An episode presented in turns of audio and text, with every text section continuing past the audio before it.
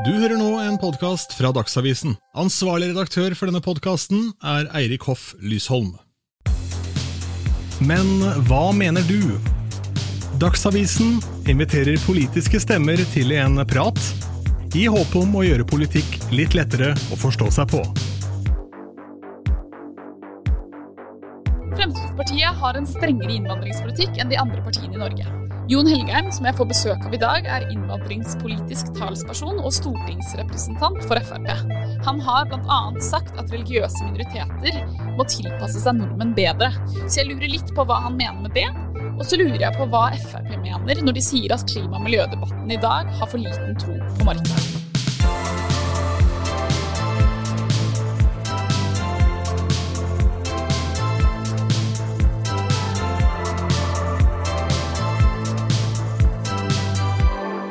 Hei, Jon, og velkommen hit. Tusen takk.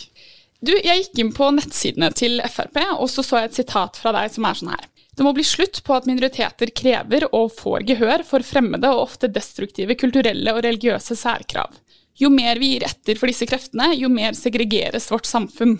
Det leser jeg på nettsiden deres, så jeg tenkte vi kunne prate litt om det, for rasisme og innvandringspolitikk er jo noe som veldig mange unge engasjerer seg for. Så jeg lurer litt på hva du mener med det? Ja, Det jeg mener er at det er veldig viktig å ha som et sånn grunnprinsipp at eh, hvis man velger å bosette seg i Norge, så må man nødvendigvis eh, innrette seg etter hvordan vi lever i Norge.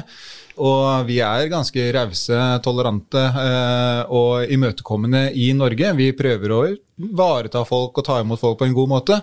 Men eh, på tross av det så ser vi ganske ofte at en del innvandrere, langt ifra alle, men en del innvandrere, kanskje kan være litt mer opptatt av at det norske samfunnet skal tilpasse seg dems eh, litt fremmede skikker for oss og ikke omvendt. Og det skaper en uh, liten kløft mellom uh, øvrig befolkning og en del av innvandrerne. Hvis man har den holdninga at det er storsamfunnet som hele tida skal innrette seg etter eh, minoriteter, så blir det for det første veldig vanskelig. Eh, det blir en god del eh, konflikter. Og man undergraver egentlig det som bør være grunnprinsippet. Man må innrette seg etter det landet man har valgt å bosette seg i. Ja, også, men du sa jo også at det gjelder jo ikke de, de, fleste. Så jeg lurer på to ting. Det ene er litt sånn hva tenker du eventuelt at vi kan gjøre da, for at det skal bli lettere for dem, det du ønsker. Men, men også tenker du at det er helt unaturlig at vi også møter dem noen ganger, på en måte? At kan det, kan det ikke også være fint med et samfunn hvor man liksom har litt på kryss og tvers av kulturelle eh, ja, interesser og identiteter. Jo, absolutt. Det er interessant med nye kulturer, nye eh, skikker og, og uh, nye inputs. Det tror jeg nordmenn flest er ganske åpne for. Men det er ikke sånn at eh, storsamfunnet hele tiden kan tilpasse seg ethvert krav som kommer fra ethvert uh, religiøst samfunn eller enhver minoritet. En eller annen gang så må man eh, liksom uh, ha det standpunktet, eller sette det standpunktet, at man må som en hovedregel tilpasse seg det samfunnet man har kommet til. For det, det er ikke mulig å ta hensyn til alle mulige ønsker og krav. Det er liksom det som er tanken bak. men Eh, jeg er ikke redd for at det, det, norske samfunnet ikke er imøtekommende og mottagelig for eh, gode inputs og innspill fra, fra andre kulturer og innvandrerbefolkningen for øvrig. Det er vi faktisk, og det skal vi være. Så det, det handler egentlig Det er ikke noe sånn enten-eller her. men hvordan vi skal jobbe for å lykkes bedre med det, det tror jeg handler om at vi må faktisk si fra noen ganger. Vi må eh, gi ganske klar beskjed eh, fra start av at eh, det er noen grunnprinsipper som gjelder i Norge. Og det må man innrette seg. Og det, da tenker jeg hovedsakelig på sånne frihetsverdier. Ytringsfrihet f.eks. Eh, demokratiske verdier. At vi eh, forholder oss til demokrati og respekterer det. det er sånne, og religionsfrihet, ikke minst. Det, det bør vi kunne forvente å si ganske tydelig fra. At det gjelder i Norge, og vi forventer at man skal innrette seg etter det. Og så er det i akkurat denne saken du peker på her, så handla det om noen krav om at Mattilsynet måtte gjøre mer for å legge til rette for uh, at de som ikke vil steke halal-kjøtt på samme grill som annet kjøtt, skal ivaretas. Jeg synes det er et for sært krav, men det, det, kan være delte meninger om. Eh, det kan være en liten sak også, eh, som jeg også sier i det saken. Det er kanskje ikke verdens største sak, men det er litt viktig å si fra. Vi kan ikke imøtekomme alle mulige særkrav som måtte komme. Man må faktisk innse det, at hvis man har veldig spesielle krav, så vil man ikke alltid møte på komme til dekket bord, for å si det sånn. Apropos ting som unge engasjerer seg for. det har Litt sånn ubevisst eh, så har klima blitt et tema i nesten alle episodene av den podkasten her, så jeg tenkte vi kunne prate litt om det òg, fordi det er jo faktisk noe som veldig mange unge engasjerer seg for. Og jeg vet at dere mener at den norske klima- og miljødebatten i altfor stor grad er preget av for liten tro på markedet. Så jeg lurte på om du kunne forklare meg litt hva dere mener med det? Ja, det er eh, viktig ting er at det er for liten tro på markedet. For det er gjerne sånn at eh, kanskje spesielt i et samfunn som Norge, så er folk oppvakte. De er bevisste, gjør helt bevisste valg. Eh, og man ser jo det at eh, store aktører i forskjellige markeder, alt fra bilprodusenter til restauranter og hoteller, de gjør hele tida noe for å imøtekomme det ønsket som er ute blant folk om å være miljøvennlige. Det er en måte eh, som vi bør bygge opp under. At ting kommer på en måte som en helt frivillig innretning til en mer miljøvennlig hverdag. Det gjør markedet pga. at forbrukerne ønsker det sånn. Eh, og det kan politikerne spille videre på. Men en annen ting er jo at vi ser at en del tiltak som politikerne setter i gang, som ikke markedet eh, driver fram, ofte er symbolpolitikk. Det er eh, rene symbolhandlinger som ofte kan være veldig dyre, eh, til en stor grad også ødeleggende for andre formål. Og det er vi sterk motstandere av. Hva betyr symbolpolitikk? Symbolpolitikk betyr at man gjør noe eh, for å symbolisere at man er veldig opptatt av noe. Eh, F.eks. når det kommer til klimapolitikken, så er det mange partier som ønsker at vi skal elektrifisere oljesokkelen. Dvs. Si gå over fra gassbrensel til elektroniske kabler ut til oljeplattformene for å drifte de sånn. Det er en uh, løsning som ikke vil gi noe klimaeffekt. Det er bare for at vi skal se bra ut, altså rent symbolsk tiltak for å se bra ut uten at det har noe effekt. Men det er fryktelig dyrt og kommer til å føre til både høyere priser for forbrukere og uh, høyere priser i næringen og industrien. Eh, og store kostnader for industrien. Og det er vi veldig imot, at vi skal kaste bort penger på ting som ikke virker. Jeg lurer litt på, fordi jeg merker at alle partiene har jo en klimapolitikk, eller en klima- og miljøpolitikk, da. Eh, men så lurer jeg litt på hvordan det på en måte er, for det handler vel først og fremst om ting man prioriterer, da. Så hvis Frp hadde fått muligheten til å få gjennom to-tre saker, da, er klima noe dere da ville prioritert? Mener dere at det er liksom blant de viktigste politiske sakene vi har? Ja, vi har satt noen uh, saker som vi mener er de viktigste for oss i denne valgkampen. Og det er uh, innvandring og integrering. Det er uh, samferdsel, sånn som vei og transport. Det er helsepolitikk, og det er skatter og avgifter.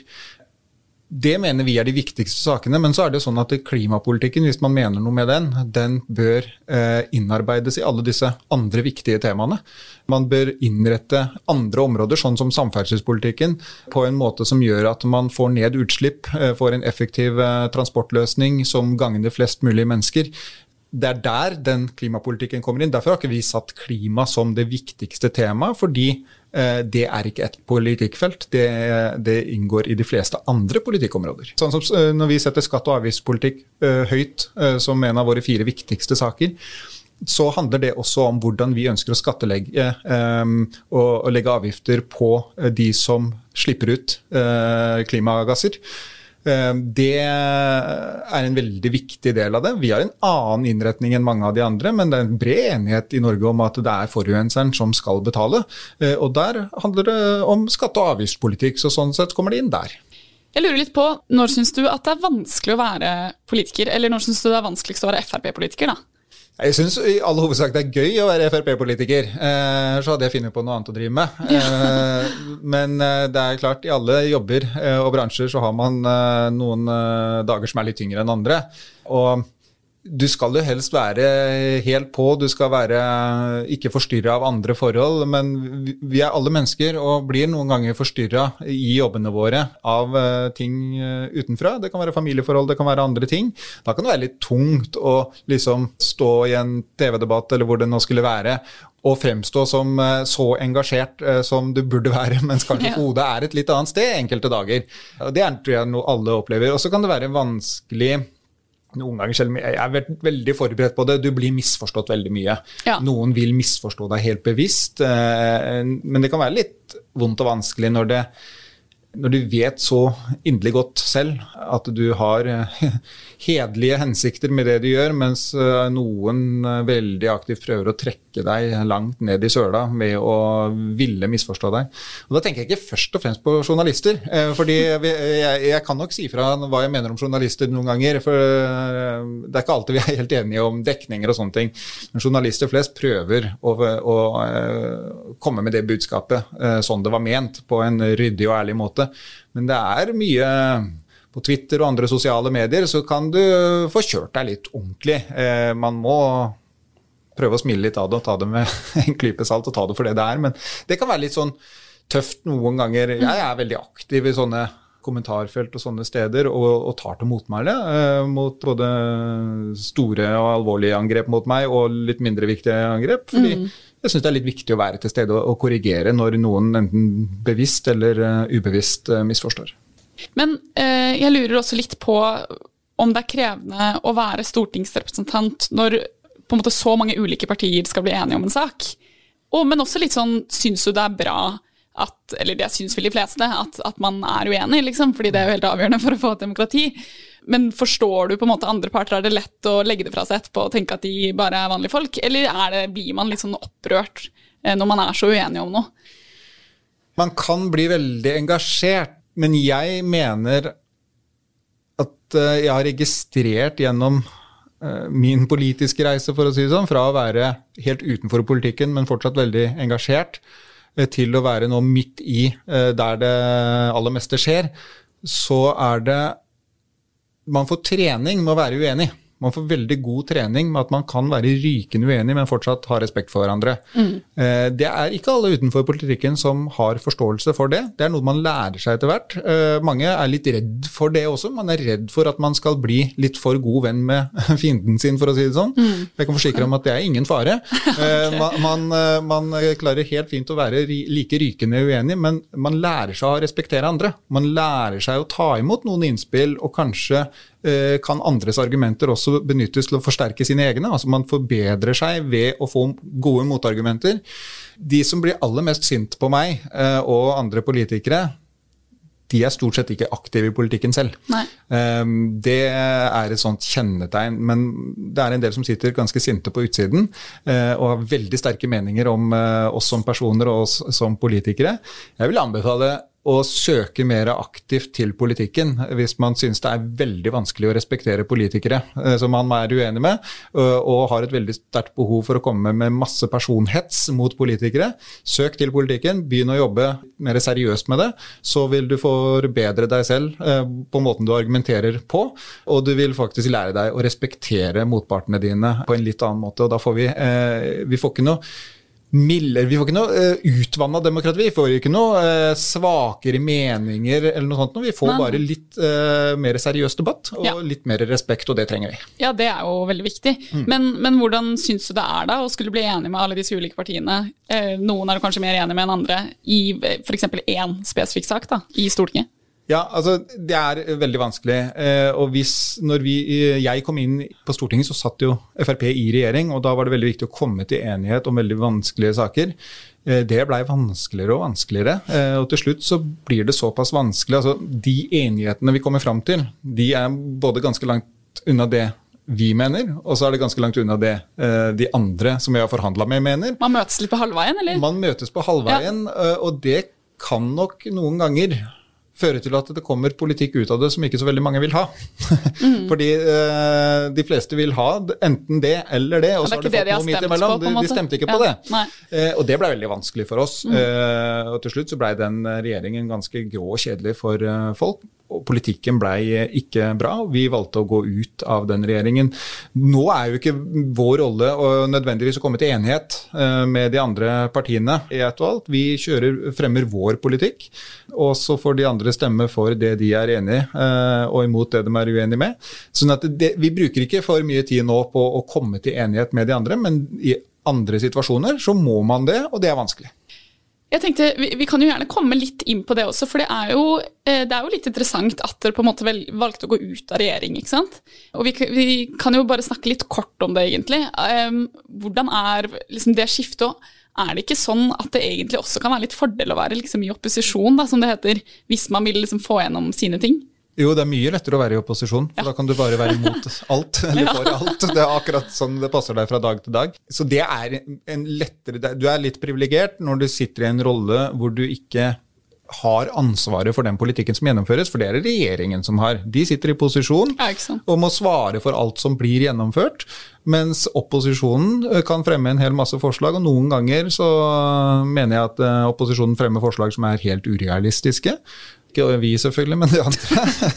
Eh, og eh, det kunne journalister vært litt flinkere til å ta tak i noen ganger så det er to vidt forskjellige roller. Altså. Det, du, du, står helt fritt til å mm. bare synliggjøre din egen politikk, i stedet for å måtte svare for hva man har blitt enige om med de andre, som gjerne velgerne dine ikke er fullt så enig i. Og du må svare for åssen det gikk når det ble gjennomført også, noe som kan uh, enkelte ganger være ganske krevende. For det er ikke alltid det går helt som planlagt når politikere gjennomfører ting. Nei. Jeg syns den, den, delen der ved politikken er ganske interessant, faktisk. Ja. Men jeg tenkte vi også kunne komme litt inn eh, på et annet tema. For dere har jo en kvinnelig partileder, Sylvi Listhaug. Men utover det så har dere ganske få kvinner liksom på topp eh, på valglistene deres. Og nye tall fra Statistisk sentralbyrå viser at dere havner på bunn på den, på den, målingen.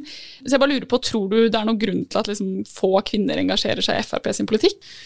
Tja, altså Det går jo litt uh, opp og ned, da. Uh, det gjør det jo. og Vi er ikke de som uh, sitter og setter krav til listene våre om at det skal være så mange kvinner på den. Der står fylkeslagene helt fritt til å bestemme det helt selv, ut ifra hvem de mener er best til å stå på de listene. Nå har vi gått ifra å ha en stor overvekt i toppledelsen av kvinner, til uh, å bare ha én kvinnelig leder igjen. Mm. Uh, og det lever vi veldig godt med. Men jeg, det har lenge vært sånn at Frp har appellert litt mer til uh, menn enn kvinner. Og det kan det være forskjellige grunner for. Noen ganger så kan kanskje eh, de sakene vi snakker mest om, virke litt harde for en del kvinner. Vi har kanskje ikke snakka eh, så mye om de myke verdiene i perioder. Og Tidligere var vi kanskje flinkere til å snakke og ha ny politikk eh, som, eh, som, appellerte mer til kvinner når det kom til eh, helse og omsorg. For ja. det er litt forskjell på hva kvinner og menn eh, tross alt er opptatt av, og det går litt i bølger hva slags saker som er de viktige, store temaene i mm. samfunnet også. Så jeg tror det er mange ting som spiller inn, men kanskje det som spiller mest inn, det er at uh, veldig mange av de andre partiene har satt strenge krav for seg selv på hvor mange uh, kvinner det skal være på en liste, og hvor de uh, skal stå. Ja. og at det har gått foran andre hensyn som vi kanskje har prioritert mest. At det skal ikke være det som er førende. Nei, jeg skjønner. Men er dere på en måte bevisst, eller ja, nå sa du jo på en måte litt at dere ikke er det, eller at dere ikke er liksom veldig bevisst på at dere må være kvinner, men tenker du at kvinner kunne kommet med et synspunkt eller innvendinger i deres parti som kunne vært nyttig for dere, som ikke menn kan, da? Ja, absolutt. Nå har vi en kvinnelig leder, og den forrige mm. lederen vår var også kvinnelig. Så um, det er jo et bevis i seg selv på at uh, vi trenger, uh, og vi har, uh, dyktige, sterke kvinner. Um, men vi må alle være bevisst på at vi appellerer bredt ut til befolkningen. For et parti som blir for uh, fokusert på enkelte velgergrupper bare, om det er bare unge velgere, eller bare eldre velgere, eller bare kvinner eller bare menn, uh, det er ikke uh, noe positivt. Så det er noe vi må jobbe med hele tiden, alle partier. Men vi har ikke satt sånne strikte regler for at det første eller annenhver skal være kvinne og mann og, og, sånne ting. Det er det mange andre som har gjort. Vi får heller prøve å jobbe på andre måter for å motivere flere kvinner til å engasjere seg, for uh, det ønsker vi absolutt. Mm. Tiden begynner å renne ut, men det er et par flere ting jeg vil gjennom, så vi får prøve å ta det litt kjapt. Um, en undersøkelse fra valget i 2017 viser også at dere er blant de partiene som har liksom lavest oppslutning blant unge. Jeg lurer bare litt på dere, hva dere gjør for å rette politikken deres mot unge? Eller gjør dere noe for å rette politikken deres mot unge iblant? Ja, vi eh, gjør jo det, eh, men det er ikke alltid man treffer. Tidligere så var vi nesten alltid valgvinneren i skolevalgene. Ja, nettopp. Det der kan jo endre seg. Ja, eh, Så dette går også litt opp og ned. Det handler igjen om hva slags saker som står øverst på agendaen. Og vi har kanskje ikke treffet de siste valgene med å appellere til hva ungdom syns er de viktigste sakene, og kanskje ungdommen også har endra litt eh, fokus, for ting eh, endrer seg hele tiden. Ja. Og det er ikke alltid politikere henger med, men det må vi prøve å bli litt flinkere på. Jeg eh, tror nå at eh, veldig mange opplever at vi lever i ganske gode tider ting funker. Økonomien går ganske bra.